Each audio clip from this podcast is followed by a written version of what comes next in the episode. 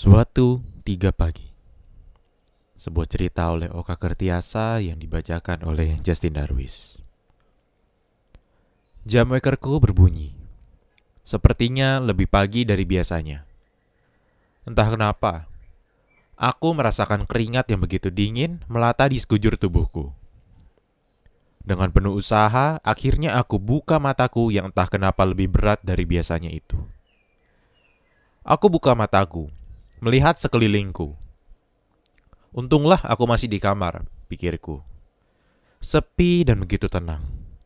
Maklumlah, aku merantau semenjak semester 1. Aku juga ingat, aku sendiri hari ini. Tak ada Johan teman satu kontrakanku yang tengah pulang ke kampung halamannya. Ku tengok jam di kwekerku. Pukul tiga. Aneh. Sebab aku menyetel wekerku untuk membangunkanku pukul lima. Aku hiraukan suasana yang entah mengapa semakin mencekam dan begitu menggigit nyaliku. Aku pejamkan mataku, berusaha sekuat tenaga untuk kembali tertidur. Namun, entah mengapa tiba-tiba rasa haus mendatangi tenggorokanku. Si tepat waktu, batinku. Lalu kuberanikan diriku untuk melawan ragu atas dini hari yang kian aneh ini. Aku buka pintu kamarku, menuju ke lantai bawah di mana semua kamar telah mematikan lampunya. Aku susuri lorong gelap mencari di mana stop kontak untuk setidaknya mengurangi rasa takutku. Setelah lampu menyala, aku fokus kepada ponselku, berusaha tak melihat ke sana kemari sementara gelasku terisi penuh.